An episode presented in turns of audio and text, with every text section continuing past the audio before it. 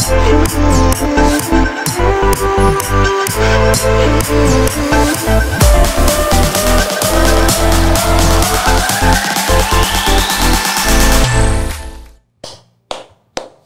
boy. Masuk. Oke, selamat datang kembali di Kaltara Podcast bersama saya Segap. Kali ini kita kedatangan dua orang tamu ya. Kali ini eh, dua youtuber Kalimantan Utara. Pemula. Pemula apa ya boy? kalau kau nah, kalau nah, kalau kau disebut pemula, yang lain-lain itu apa gitu? Tahu pemula juga gitu. Oke, ada Mas Rival. ya, Ri- ri- rival apa? revival. Eh, ri- sebenarnya gini nama saya itu revival sebenarnya. Tapi kan Revival. Anak-anak di umuran saya 12 tahun dulu itu susah nyebutnya. Jadi mereka nyebutnya rival aja. Ya udah sampai sekarang jadinya rival. Oke, Revival Ipal punya Rival. Mm, Dengan channelnya itu ada yang namanya Asian Survivor. iya, betul sekali. Lalu ada teman kita juga Mbak Sarah Kenya. Iya, Ya. Sarah sebenarnya. ya. iya sebenarnya Sarah, Sarah. Sarah aja sebenarnya. Cuman di YouTube kita mengenal dengan nama Sarah, Sarah. Sarah Kenya. Kenya. Iya. Ya kan. Kenapa gini? Eh, Rival ini ya salah satu youtuber yang saat ini sudah lumayan ya dalam setahun setahun loh boy kok tuh Setahun itu mungkin berkembangnya, tapi Iya. untuk membangun itu nggak Iya, setahun, iya. itu hampir empat tahun bang. Jadi nggak lah, nggak nggak singkat. aku dari 2011 boy tak berkembang berkembang juga Berkembang, abang, abang, abang. eh, kalau eh, mungkin sedikit tambahan ini buat Bang Segaf ini Hmm. sebenarnya boleh saya sebut sebagai Deddy Kobusernya youtuber Kaltara gitu. Ya. Jadi apa ya namanya ya? Eh, Godfather-nya gitu Ya. ya. Banyak memberikan Siap. wejangan ke kami-kami ini yang pemula khususnya juga yang tergabung di grup KYT ya Bang ya. Ada KYT. ya. oke sebelumnya apa kabar Luar biasa Abang. Abang sendiri gimana? Alhamdulillah baik meskipun dengan kondisi saat ini ya Ya. Kalau kita sekarang nanya kabar ini ya betul-betul bukan basa-basi lagi sekarang Iya, Sarah. Iya. iya sih. Sarah gimana sekarang Sehat, kabarnya baik banget. jadi kalau dulu kan kita kan nanya kabar tuh kan basa-basi Iya. Iya kayaknya benar. ya kan kalau sekarang kalau makanya kalau sekarang ini pertanyaanku mungkin ter- terdengar jahat ya Hmm. cuman kalau teman-temanku sudah hafal semua Hmm. kalau aku nanya kabar bukan nanya kabar lagi sekarang masih hidup dulu dulu kita masih bisa bercanda gitu. Ya. Apa kabar? Terus kita pura-pura batuk. Oh, kalau sekarang berani gitu. Enggak, enggak sih, kayak ngeri ya. kemarin ada yang batuk aja langsung ini Iya, gini di kan di mana-mana sekarang kalau ada yang batuk kayak jadi tersangka gitu Iya. sekarang. Nah, Heeh. gitu. Jadi hmm, somehow ini uh, somehow. Jadi entah kenapa selama masa pandemi ini, Bang, Hmm. saya yang uh, biasanya sebelum masa pandemi itu sering banget pilek, sering banget pilek, sering banget uh, demam gitu. sama Tiba-tiba di masa pandemi ini, Enggak berani pilek. Bukan. iya, entah kenapa. agak jarang jarang. Ternyata inilah salah Masker satu Oh, ini, masker. oh iya ya. ini salah satu bu, anu, bukti sahih ya bahwa Ah, ah. masker ini berguna gitu loh Hmm, makanya kadang-kadang bingung juga ada yang ya meskipun kita nggak bicara masalah covid ya ya, untuk kehidupan sehari-hari menurutku berguna banget. Iya. agak tambah jarang kita perlu. Setuju Abang. setuju karena begitu juga. Karena aku kan alergi aslinya. Hmm, ya kan? Jadi begitu pakai ini ya agak apa jarang banget sakit, Sakit. flu lagi. Hmm, betul. kalau dulu sering loh. Dulu sering. Nah ini kan sudah lama banget nih libur nih lama banget nih. jujur aja ya eh, mungkin banyak yang bertanya-tanya juga nih ke mana curut satu ini? Iya kadang-kadang kita berpikir mana update YouTube, eh, mana update Iya, Kaltara iya. TV podcast yang Bukan, mana? jadi gini ada beberapa penyebab sebenarnya. Yang pertama kesibukan ya. Iya, sibuk di kantor juga. Yang kedua juga ya kita beberapa kali ppkm kemarin kan? Hmm, Iya sih. kita ppkm ber- beberapa kali kadang-kadang sebagai abdi ASN ya abang jadi satgasnya. Eh, dan kebetulan tergabung di satgas juga agak aneh aja kalau kita nggak mematuhi gitu loh. betul Iya. sekali, betul. Kan? Setuju abang. Ini by the way ini sudah vaksin semua ya, jadi Sudah aman. insya Allah aman. aman ya. Aman.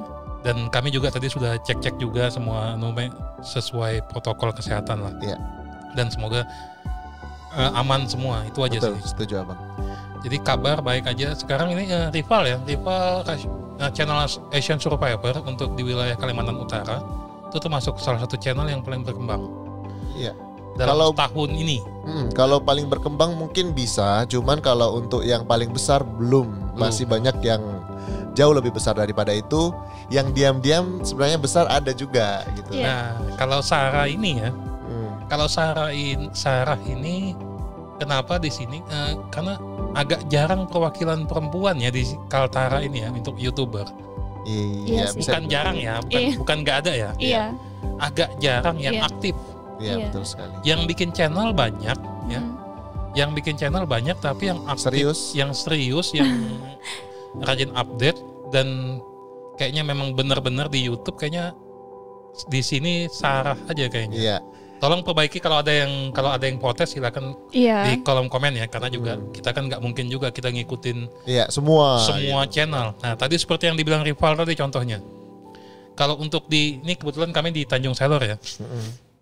Tanjung Selor di Bulungan aja itu ada berapa pal yang besar lagi? Em, banyak ada kucing petani. Kucing petani ya, Bang Cali ya, Cali. Terus juga ada Dino Saiki. Nah itu juga banyak nggak tahu kan? Ya, Dino Saiki temannya tetangganya Sarah ini, tapi kayaknya Sarah juga gak kenal kayaknya. Nggak kenal. Nggak kenal. Hebatnya Itu dunia 200 ribu media sosial. 200 ribu loh itu. Mana? Ada lah, saya juga Nggak tahu tahu pas persis tapi yang jelas di Selimau situ tempat tinggalnya. Nggak tahu kan? Nggak tahu. Nah, SMP ya? Anak SMP.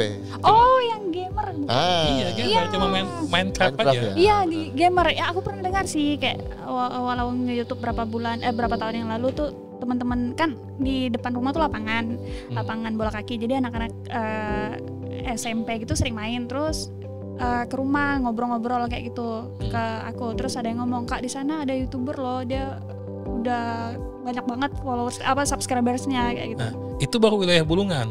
Tarakan yang ku tahu ada beberapa lagi. Itu ada di Tarakan sudah ada juta sih. Ada yang jutaan. oh, Yang apa siapa? YouTube konten anak-anak. Yang konten anak-anak itu oh, Anak- itu sudah dia 2 3 juta kalau nggak salah. Iya benar. Jadi sebenarnya gini, yang kita bicarakan kali ini ya sebenarnya kami berbicara saat ini kita sambil ngobrol santai aja sebenarnya. Kami ingin bahas tentang dunia konten kreator di Iya. Kaltara ya khususnya kebanyakan ini di YouTube ya sebenarnya. Mhm. Sebenarnya banyak sih konten kreator di Kaltara ini cuman yang mungkin kebetulan saya kenal ya Mhm. banyak konten kreator banyak cuman kebetulan yang kenal dekat mungkin cuman beberapa aja. Makanya nih Iya. kebetulan kita ngobrol-ngobrol aja tentang situasi dunia konten kreator saat ini. Iya. ya kan? Nah ini kita bicara tentang Asian Survivor dulu. Wih, ya kan? Asian Survivor itu kan awalnya konten kita sejarah dulu ya. Mhm. seingatku kau tuh awalnya membuat itu untuk konten pertanian ya. Konten pertanian dan eh, sampai saat ini kayaknya masih bertahan di konten pertanian juga. tapi itu yang kita bilang kemarin ya berkembang ya ya. Jadi tidak cuma membahas tentang bagaimana cara menanam Iya. mungkin ya. Banyak sekali sih bang. Jadi eh, sebelumnya saya terima kasih banyak buat abang ini sudah diberikan kesempatan dua kali untuk datang. Hmm. Jadi bang Segaf nih awalnya kemarin mengundang itu rasanya masih apa ya masih kagok kok saya diundang gitu masih berapa subscriber kemarin masih tujuh ribuan kalau nggak salah bang ya. Iyalah kita tahun tadi hampir sama kok. Nah berarti yang ngerasain itu sekarang aku nih kayak gitu ya. masih gimana Cuma gitu. jangan tertekan Sarah. Iya. Karena, karena kita nggak tahu ya, ya. Hmm. Sambil nanti tolong maaf, maaf kalau gue potong ya.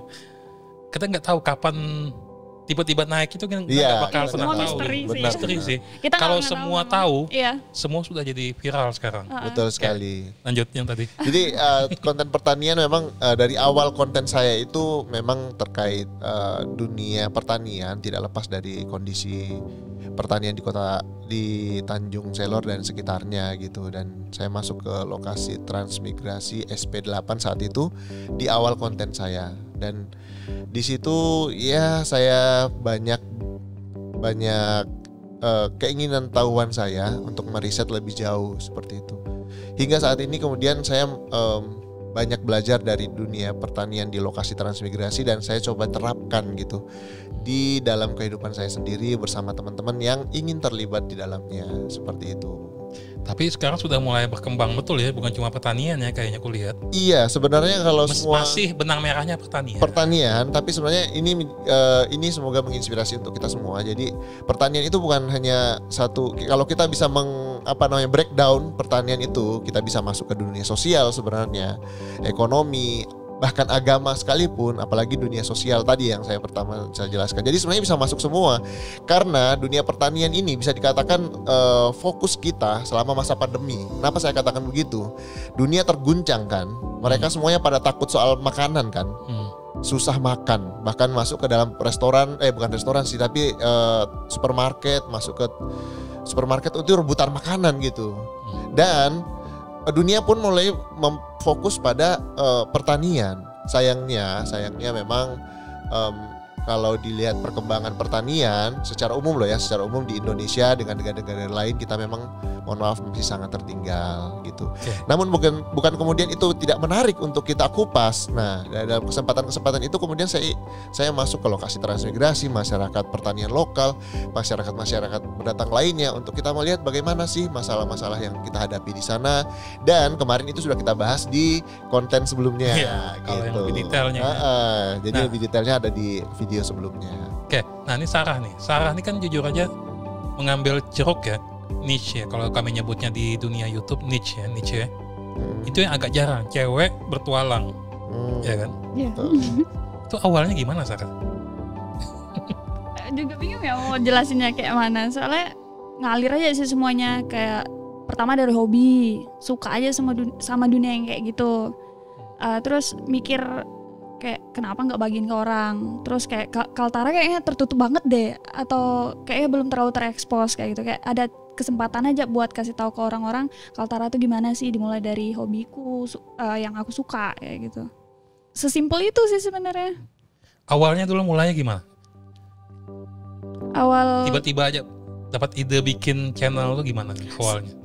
Eh, bikin channel se- sebenarnya channelku udah dari tahun 2015 kan kayak cuman ngupload kucing binatang peliharaan gitu eh ternak terus aku mulai jenuh sama kayak rutinitas hari-hari sih aku sempat eh, kerja jadi seorang Ya, karyawan ya Karyawan. Iya, se- seorang karyawan di sebuah perusahaan.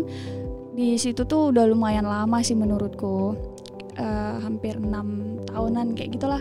Kayak ngerasa bosan ngejalanin hari-hari tuh yang kayak gitu, terus kayak gitu terus. Sementara kan hari-hari tuh kayaknya berlanjut terus. Nah, terus di tempat kerjaanku tuh juga aku di ruangan tertutup. Jadi ruangan tertutup cuman ada aku sama komputer. Jadi di komputer itu suka keliling dunia lewat Google Map. suka keliling dunia lewat Google Map terus juga sering nonton YouTube kayak gitu kayak kok dunia luar tuh kayaknya nggak terbatas sih sebenarnya kok aku kayak ngerasa terkurung kayak ngerasa hidup tuh kayak gini kak kayak gitu terus akhirnya ngambil keputusan keputusan nekat aja kayak gitu kayak untuk diri sendiri ngambil keputusan buat diri sendiri kayak ngikutin apa yang diriku mau masa mau selamanya dalam kotak sih kayak gitu makanya setelah pikir matang-matang akhirnya berani keluar dari perusahaan tersebut dan ngejalanin hidup sesuai apa yang bisa dibilang aku mau sih. Oke. Nah ini kita kembali ke rival lagi. Hmm. Ya. Eh, mungkin banyak orang cuma ngelihat kan pas sudah gede ya, Ya, Iya. sudah gede. Eh, Sarah masuk lumayan sih sebenarnya sudah ya. ya. Kalau sudah gajian artinya sudah lumayan sebenarnya. Siapa ini Sarah? Sarah. atau- ah, Sarah. lumayan sih. Ini- dan itu akan terus berkembang. Dan itu Iya, akan terus berkembang iya terus kan. Iya. Selama Sarah ber selama, selama Sarah konsisten. Nah, Iya. cuman orang nggak tahu awalnya nih, Pal. Kalau kalau kalau Ripal sendiri kalau awalnya tuh gimana? Apakah tiba kan orang tuh cuma melihat langsung besarnya aja kan? Iya. Nggak tahu perjuangan di awal-awal itu. Mm-mm. Contoh mungkin mungkin awalnya kau bikin channel dulu pakai HP aja atau gimana? Ya sampai sekarang sih. Maksudnya untuk untuk untuk oh, untuk ngedit. Dulu bahkan saya nggak ngedit gitu, langsung upload gitu. Hmm. Nah, jadi em, apa namanya memastikan bahwa semuanya aman dulu kemudian saya upload. Tapi em, eh, it- kayaknya saya nangkap maksud abang seperti ini eh, terkait bagaimana kita memulai YouTube dari awal gitu ya. Jadi em, di tahun pertama, kedua dan ketiga saya nggak dapat apa-apa, bang.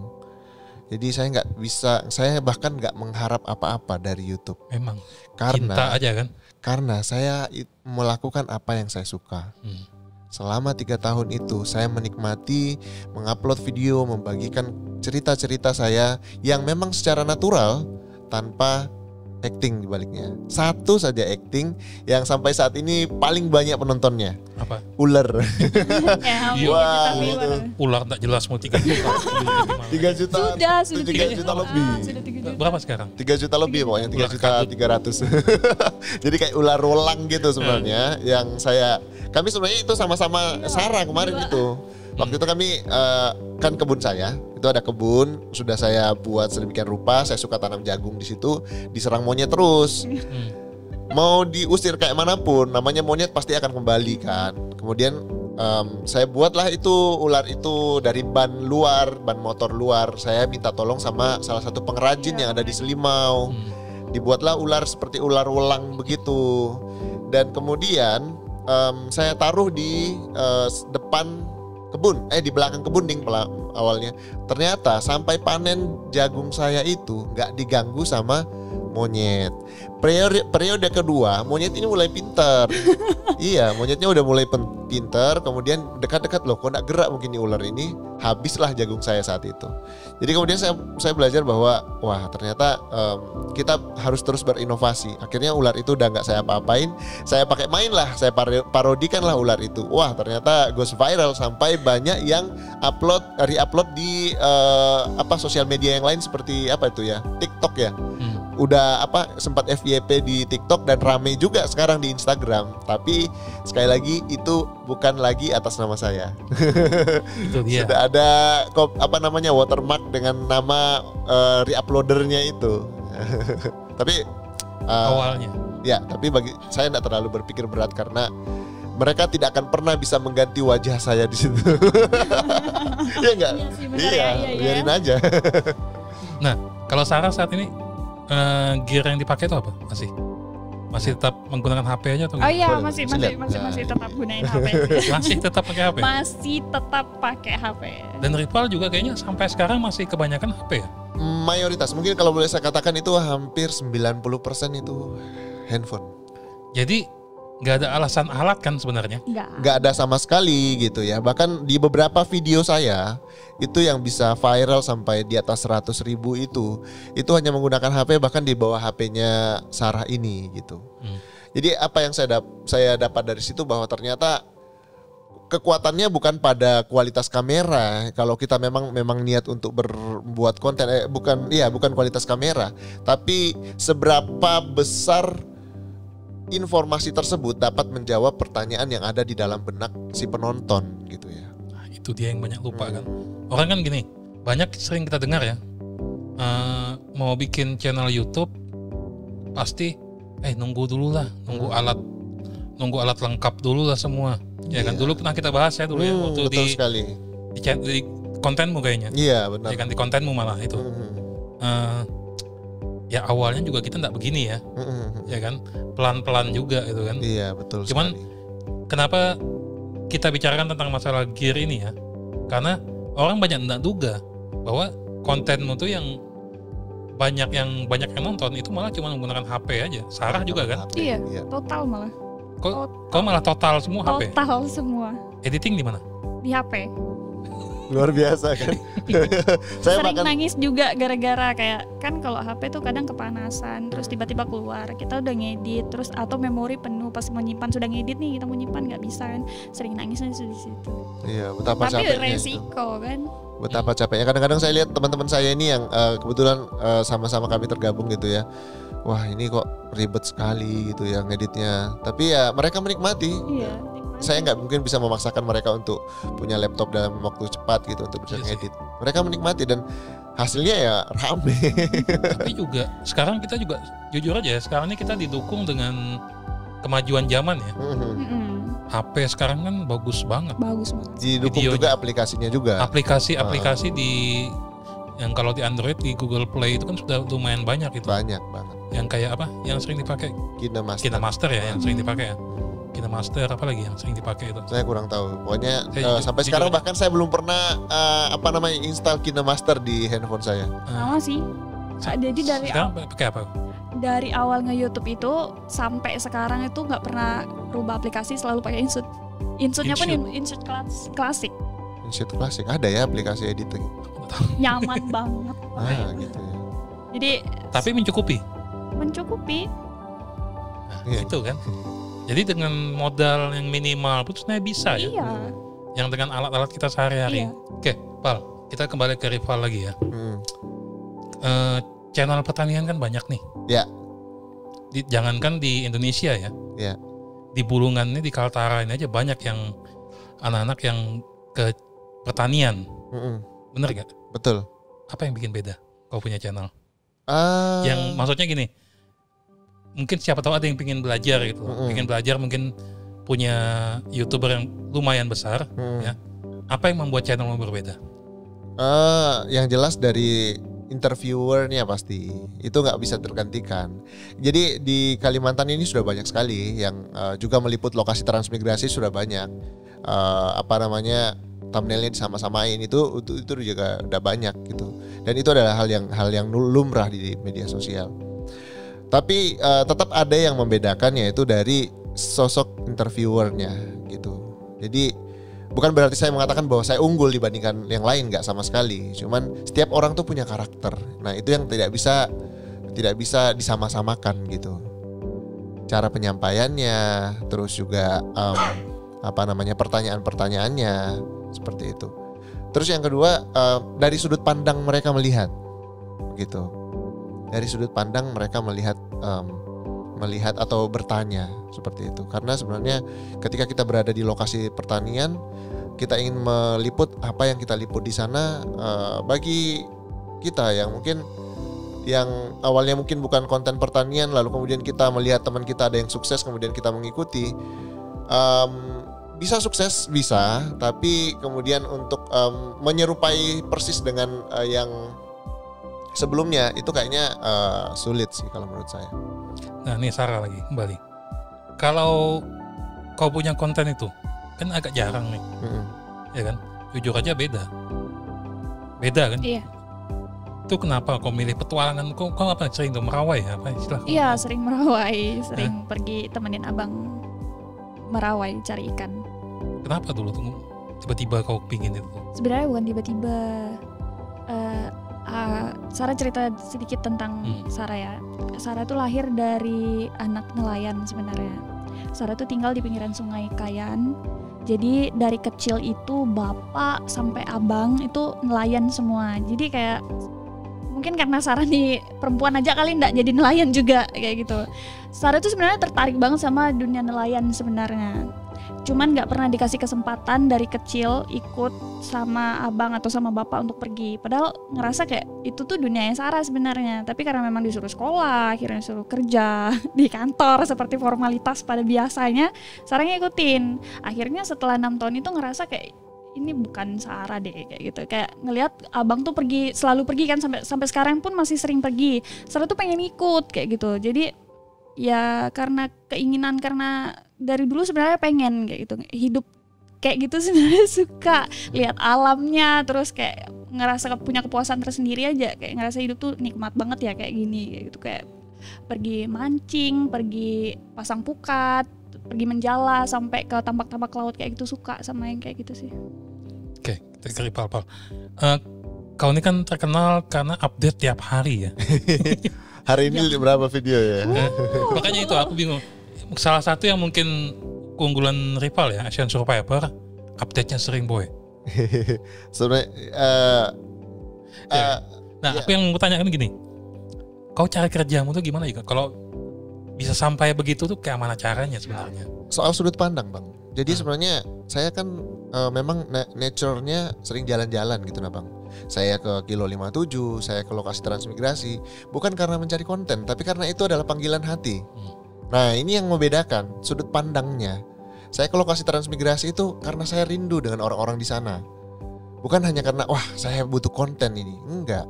Saya ke, ke kilo 57 banyak saudara-saudara saya yang saya kenal di dunia pertanian sama mereka. Bukan saudara kandung loh ya bukan hubungan keluarga tapi karena begitu dekatnya kami di dunia pertanian makanya kami eh, membangun sebuah hubungan baik dengan mereka di sana. Dan itu inter apa ya cross cultural atau apa namanya eh, lintas budaya gitu jadi saya di transmigrasi yang kebanyakan masyarakat Jawa di sana saya ke kilo 57 masyarakat Sulawesi dan masyarakat Dayak di sana yang menjadi filosofi saya atau yang menjadi landasan saya adalah kecintaan saya dengan pemahaman lintas budaya. Itu. Jadi ini sudut, sudut pandang. Jadi ketika saya berangkat, saya melihat banyak sekali hal-hal yang sebenarnya bisa menjawab atau bisa memberi, membuka rasa penasaran masyarakat ketika itu saya tampilkan. Gitu, Bang. Hmm. Jadi kemudian itulah yang membuat saya kemudian membuat konten sesuai dengan eh, apa yang diminati oleh masyarakat. Seperti yang kita bilang dulu kan. Iya, saya tidak mengatakan konten saya paling bagus, konten saya yang paling keren, enggak sama sekali karena saya hanya menggunakan handphone. Saya kadang malah single shoot. Abang tahu kan? Sobat Survivor di mana pun Anda berada, kembali lagi bersama saya di channel ini. Saya senang sekali bisa kembali bertemu dengan Bapak yang berkebun di sini. Gimana kabarnya Pak? Nah, tapi bagaimana kau bisa bikin tiap hari itu gimana? Hampir tiap hari loh gitu. Karena saya tiap hari saya bertualang bang. saya nggak pernah diam di rumah. Saya bukan tipe orang yang diam di rumah. Saya bisa jalan di mana saja.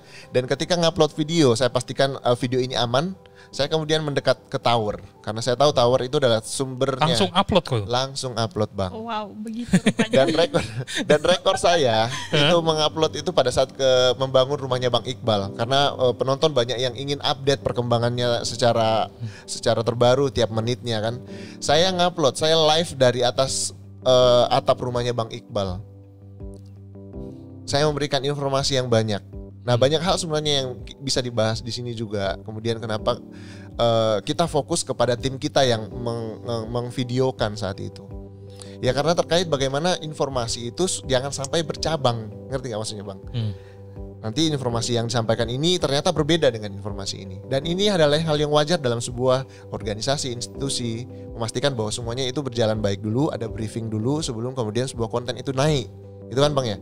Ya. Uh, uh, jadi ini adalah sebuah program yang kami sedang jalankan di rumahnya Bang Iqbal. Nah, kalau Sarah sendiri gimana? Kalau istilahnya kalau dalam dunia video tuh workflow ya, Hmm, cara kerjamu. Kau sama kayak rival juga atau gimana? Langsung up. Nggak. Eh, mungkin awal-awal kali iya ya. Kayak dulu pertama-tama mulai kayak fokus ke YouTube tuh semangatnya kan masih menggebu-gebu tuh. Kerjanya tuh rajin banget. Ya.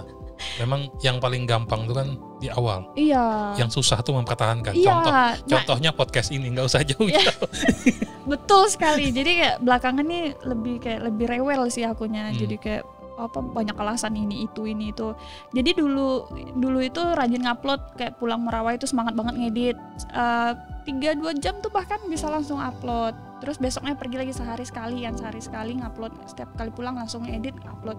Kalau sekarang bahkan pergi merawai itu sekali misalkan pergi merawai nih malam nih itu kadang sampai seminggu baru selesai baru diupload Padahal kalau dalam dunia YouTube kayaknya Pal ya lebih bagus upload 7 video dalam tujuh hari setiap hari maksud satu video Hmm. dibanding 7 video dalam satu hari kayaknya. Ah, Kayaknya itu berlaku ya kayaknya. iya benar. Cuman Yang eh, penting konsisten. Nah, konsisten. ju- jujur aja mena- yang salah satu keunggulan rival ya itu Iya. konsisten. iya sih Gak ada yang bisa ngelawan kayaknya. banyak banyak. Yang maksudnya di sini, TV. di sini. Oh, gitu maksudnya. iya di sini sih kan? lebih di sini Makanya dalam setahun 100 ribu itu kan terasa juga boy. nggak ada yang kalahkan stasiun TV bang dalam Hmm. satu jam itu bahkan sampai 10 video setelah mereka tayangin langsung masukin ke YouTube gitu kan Nah ini kita bahas sedikit tentang masalah uang nih. Kita nggak bakal sebut angkanya ya. hmm. Nggak bakal ya. Cuman gini, orang banyak salah sangka nih. Iya. Iya. Orang banyak salah sangka. Disangkanya kita ini mungkin banyak uangnya kali ya. Mm-mm. Tapi buat Sarah dulu. Ya. Berapa tahun nggak ada itu cuman bikin video doang. Yang nggak ada penghasilan sama sekali dari videonya. dari 2015 ya 16 17 18 19 20 Itu bisa dapat ke empat tahun empat tahun empat tahun AdSense-mu mulai di Aprop kapan? Tahun berapa? Tahun 2020 itu pun bulan Oktober Itu artinya setahun ya? iya Baru setahun kau dapat. iya baru setahun Jadi sebelumnya nggak ada sama sekali. nggak ada Kalau rival berapa tahun, Pak? Mulai, mulai mulai menghasilkan dari AdSense berapa? Mulai tahun berapa? tahun ke tahun keempat lah jadi baru tahun ini sebenarnya baru Tahun ini, iya. Sama ya? juga sama baru Eh? setahun juga Iya. sama Tahun ini juga baru. Ah, sama makanya makanya saya bilang kan orang selalu berpikir wah ini uangnya banyak Iya, apalagi menggunakan salah satu website yang paling paling populer untuk untuk mengetahui Iya. pem- pembayaran eh, YouTube itu mereka menggunakan social blade kan. Iya, itu Dan social kemu- paling kacau tuh. Iya, um, apa ya namanya misleading kalau bahasanya ya, menyesatkan. Jadi kemudian ini kemudian bisa berdampak sebenarnya. Tapi dan kemudian banyak juga pihak-pihak yang kemudian menggunakan aplikasi ini sebagai konten. ya dibu- dibuat sedemikian rupa Pernah. banyak bang. Sekarang di YouTube itu sudah ada empat video itu terkait gaji youtuber Asian Survivor. Itu misleading. Nah, saya lihat itu. Tidak sebegitu. Ini Ah, Sarah ah. mau cerita juga nih Ah. kejadian lucu soal yang ini. Mm-mm, Jadi gara-gara ada aplikasi ya tuh ya. mm-mm. Sarah sampai di WA, di WA screenshot Sarah punya tuh. Sarah Hmm. punya apa? Iya. Data. Penghasilan. Iya, penghasilan. Wih, keren Sar. Lihat. Hmm. Malas cerita. Nah, penyebabnya satu. Mm. Kita punya AdSense ini seperdelapan dari Amerika. Mm. Seingat kalau nggak salah hitung, kalau nggak salah baca ya. Jadi kalau misalnya di Amerika itu dapat dapat 8 dolar, Amerika atau Australia, kita cuma dapat satu dolar. Makanya terasa banget Jomplang, social blade-nya tuh anunya apa ya? menyesatkan. Penyesatkannya gitu kan. Jadi mungkin social blade itu benar Mm-mm, kalau di Amerika, mm. Iya, ya kan? Kalau di Amerika. kalau di Amerika. Jadi kalau di Indonesia tuh nggak berlaku juga. Iya. Tapi sering ya kejadian begini. Iya, sampai dikirimin screenshot gitu. Kayaknya nih orang lebih tahu daripada aku. Ini kita kita yang berisiko yang sering meliput orang kan. Jadi eh, kita sering meliput ke lokasi transmigrasi. Wah ini orang nih pasti banyak banget nih nih setelah meliput saya. Ah, ini kadang-kadang kita perlu luruskan. Kita perlihatkan videonya ini loh pak. Videonya seperti ini. Penghasilan aktualnya itu ada di akun kami seperti Iya itu. sih, rinci banget malah. Iya, jadi kita jelaskan bahwa ada sebenarnya ditutup-tutupin. intinya kita di sini adalah bisa menge- mengekspos ya, Hmm. membuka ke mata dunia kondisi-kondisi pertanian di daerah-daerah kita. Dengan demikian, ada solusi-solusi dari negara-negara lain, ada da- solusi-solusi dari daerah-daerah lain di Indonesia memberikan eh, apa namanya eh, masukan atau juga seperti yang sering melihat di videoku, video saya gitu ya. Ada kondisi di mana salah satu warga yang rumahnya terbakar gitu kemudian tertolonglah di situ ketika kita meliput. Ada bantuan-bantuan yang masuk. Ada juga yang kekurangan pupuk, eh, ada bantuan yang masuk. Bibit ada bantuan yang masuk. Bukan hanya di bidang pertanian, di bidang-bidang yang lain. Itu yang masuk. Jadi makanya saya katakan tadi bidang pertanian ini tidak bisa lepas dari aspek-aspek yang lain, sosial, budaya, agama. Jadi satu pesan mungkin yang saya sampaikan di sini kesempatan ini jangan main-main dengan eh, apa namanya Sarah. Loh. Ngerti maksud saya? Iya sih. Jangan memain-main dengan isu Sarah. Iya. Anda boleh membenci, Anda boleh membenci sebuah konten atau youtuber tertentu, tapi sekali Anda mengangkat te- isu tentang Sarah, bukan Sarah sekedar Iya, Sarahnya loh suku ya. ras dan budaya. Yes, itu ada yang namanya digital footprint atau jejak digital. Iya. Engkau akan dikenang selamanya dengan screenshot yang disimpan di galeri untuk menyerang Anda. Tuh cewek Kok paling jadi sering. serem ya? Cewek paling sering tuh. Coba kau coba kau cek HP cewek itu banyak screenshot tuh. Iya, iya. gitu. Nah, itu biasanya tips-tips sih, tips-tips. Makanya jangan jangan aneh-aneh di kalau internet tuh. Mm-mm. Jejak digital itu banyak di HP cewek. Iya. Oke, oke, oke. Apalagi kita di daerah, Hmm. if you know what I mean. Banyak sekali hal yang mesti kita harus waspadai. Ketika Anda mengangkat isu SARA, maka itu itu uh, berat banget. Eh, ini kita bicara secara garis besar saja ya. Mm. Kalau perkembangan YouTube komunitas YouTube yang konten creator di Kaltara ini menurut Sarah gimana saat ini? Eh, itu sih kayaknya terkotak-kotak ya. Hah? Ada yang memang sebagian yang yang maju. Ada yang sebagian juga yang perlahan hilang. Kalau untuk perkembangannya sih memang cepet sih ya. Apalagi kita semenjak punya KYT, kayaknya antusias-antusiasnya teman-teman di Kalimantan Utara tuh tentang YouTube kayaknya makin meningkat, makin banyak. Lihat aja sekarang kita udah berapa banyak ya. Ini buat yang belum tahu ya KYT itu kami ada punya komunitas Iya. komunitas YouTuber Kaltara ya. Dulu cuma Komunitas. 20 30 orang. Komunitas di WhatsApp sekarang anggotanya sudah berapa? 100 berapa? Banyak banget Lumayan. ya. Nah, kalau dari Pal sendiri menurutmu gimana perkembangan komunitas YouTube kita? Um, YouTube secara konten creator bukan komunitasnya sorry Oh, ya. saya melihat mereka semuanya pada berlomba-lomba membuat konten yang lebih berkualitas. Ini yang saya perhatikan. Makanya setiap saya lihat konten-konten mereka, saya rasa amazed gitu. Wow, luar biasa. Um, dan apa namanya ini yang membuat kita juga um, untuk mensupport mereka-mereka yang masih uh, stagnan di kontennya. Jadi ada beberapa teman-teman yang kemudian saya saya support gitu ya di dalam di dalam project saya supaya mereka juga bisa bisa apa namanya merasakan lah menjadi seorang youtuber gitu. Tapi sekali lagi itu bukan karena saya, tapi karena mereka memang punya kerja keras gitu ya. Jadi mereka punya kerja keras yang sangat luar biasa. Saya hanya sedikit mensupport saja supaya mereka bisa uh, apa namanya uh, bisa mendapatkan penghasilan lah dari YouTube minimal seperti itu. Oke.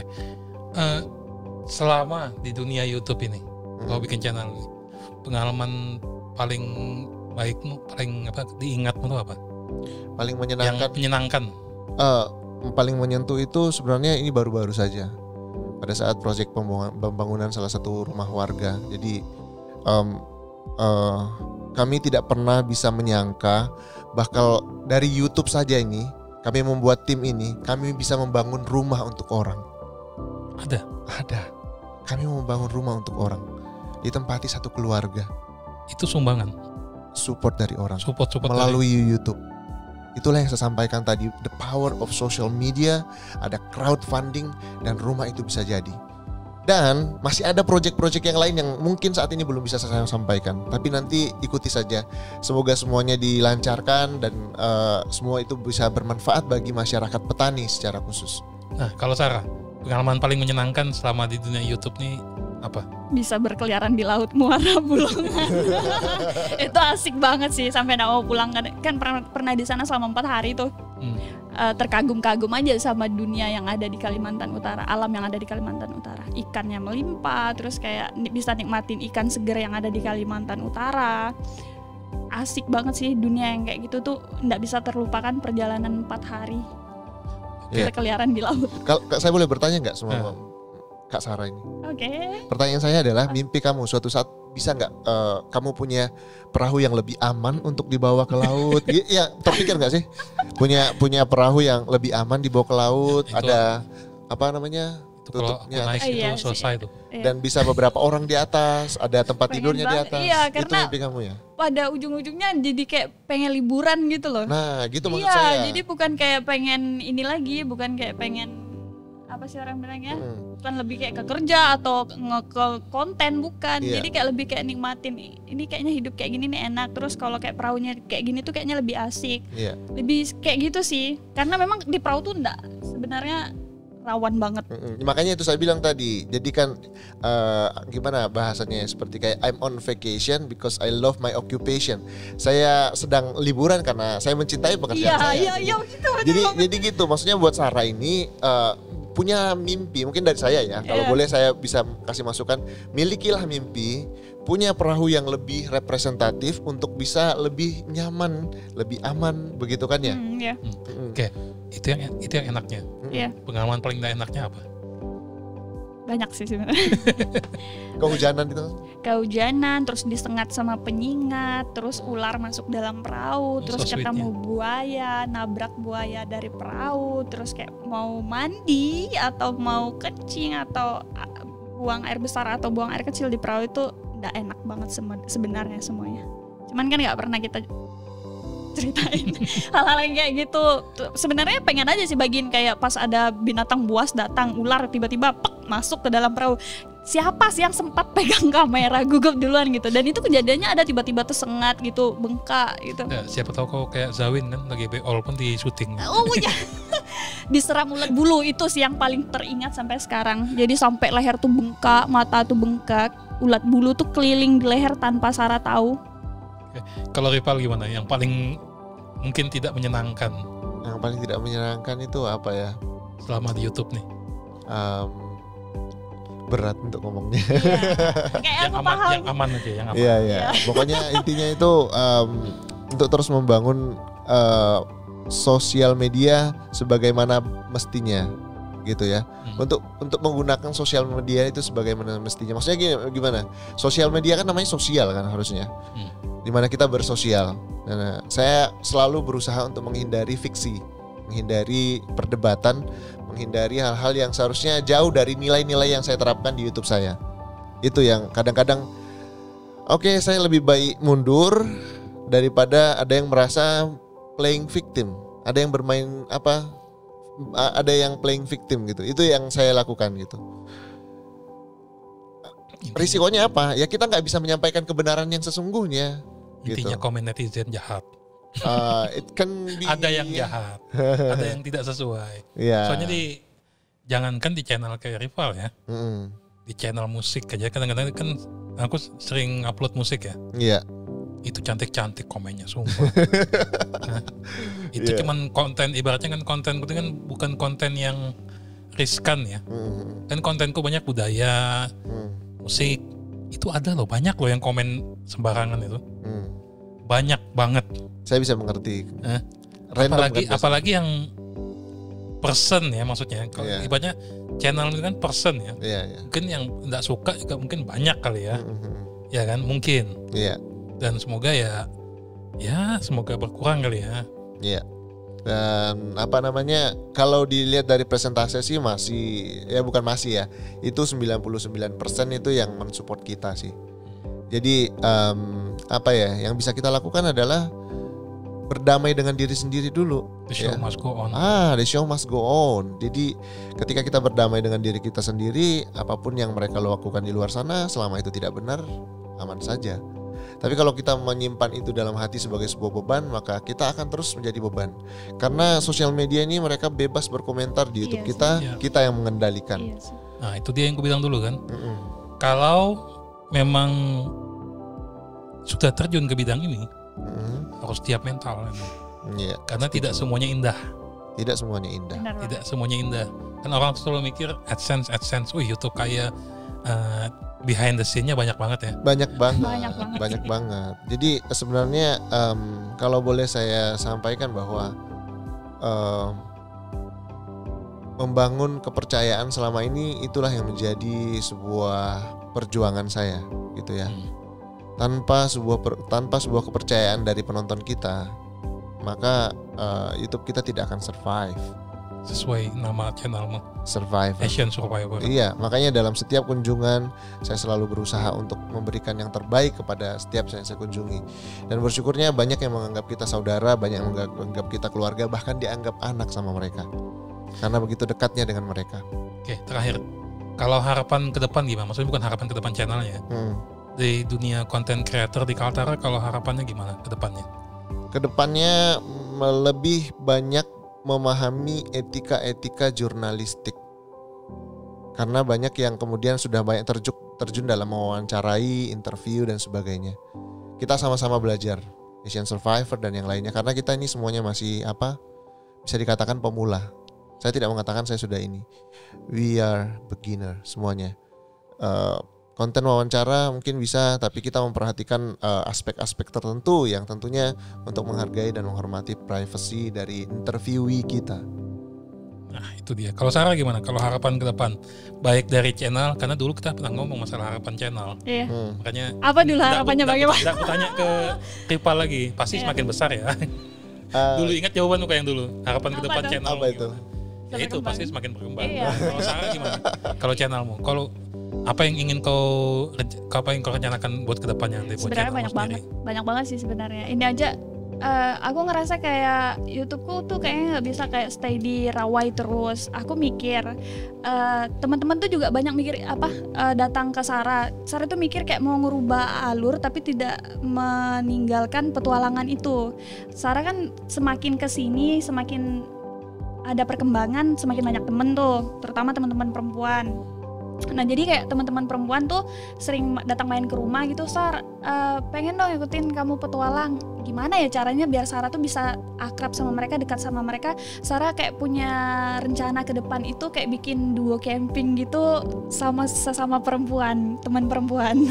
jadi teman-teman tuh kayak pengen, bahkan mereka ada yang nawarin diri, Sar kalau ke kebun ajakin dong, Sar kalau pergi mancing ajakin dong teman-temannya Sarah jadi kayak kepikiran aja ngajak mereka petualang gitu Oke, terakhir, untuk rencana ke depan semoga itu berkembang lah terakhir, terakhir. terrealisasi Kalau ada yang pingin gabung di dunia content creator, Ya. saranmu gimana?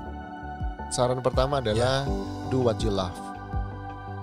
lakukan apa yang kamu sukai itu aja iya sih dan pastikan yang kamu sukai itu itu bermanfaat bagi orang lain gitu jangan malah sebaliknya merugikan buat orang lain Kalau Sarah gimana? Kalau saran buat ada pendengar atau yang nonton ini pingin gabung di dunia YouTube juga, saranmu apa? Eh, harus kenalin dia dulu sih maunya tuh dia apa terjun ke dunia du- YouTube. Dia ini terjun ke dunia YouTube karena memang kayak bisa mirip-mirip kayak Sarah nggak karena suka dengan dunia itu. Tapi kalau kayak misalkan tiba-tiba nih dia datang eh, pengen untuk cari kerja. Misalkan kayak itu ke YouTube pengen nyari uang. Aduh kayaknya berat banget deh itu. Berarti dia bukan mencintai apa yang dia apa bukan mau nge YouTube itu bukan karena kecintaannya dia kesukaannya dia. Berat sih kalau kayak gitu. Dan banyak ya. Iya, tapi kalau memang Orang mikirnya mau ke YouTube oh, karena disangka cari Iya, uang gampang gitu iya. ya. Cuman dia sebenarnya aslinya nggak cinta kan? iya, tapi kalau memang dia hobi, ayo sini ketemu Sarah kayaknya. Oke lah. Terima kasih buat Kak Ripal sama Kak Sarah ya. Ya. Buat mampir ke Kaltara Podcast. terima kasih juga bang Segaf Semoga makasih apa yang dikemukakan oleh Ripal dan juga Sarah ada manfaatnya bagi pendengar semua. Oke, sampai bertemu kembali. Assalamualaikum warahmatullahi wabarakatuh. Waalaikumsalam warahmatullahi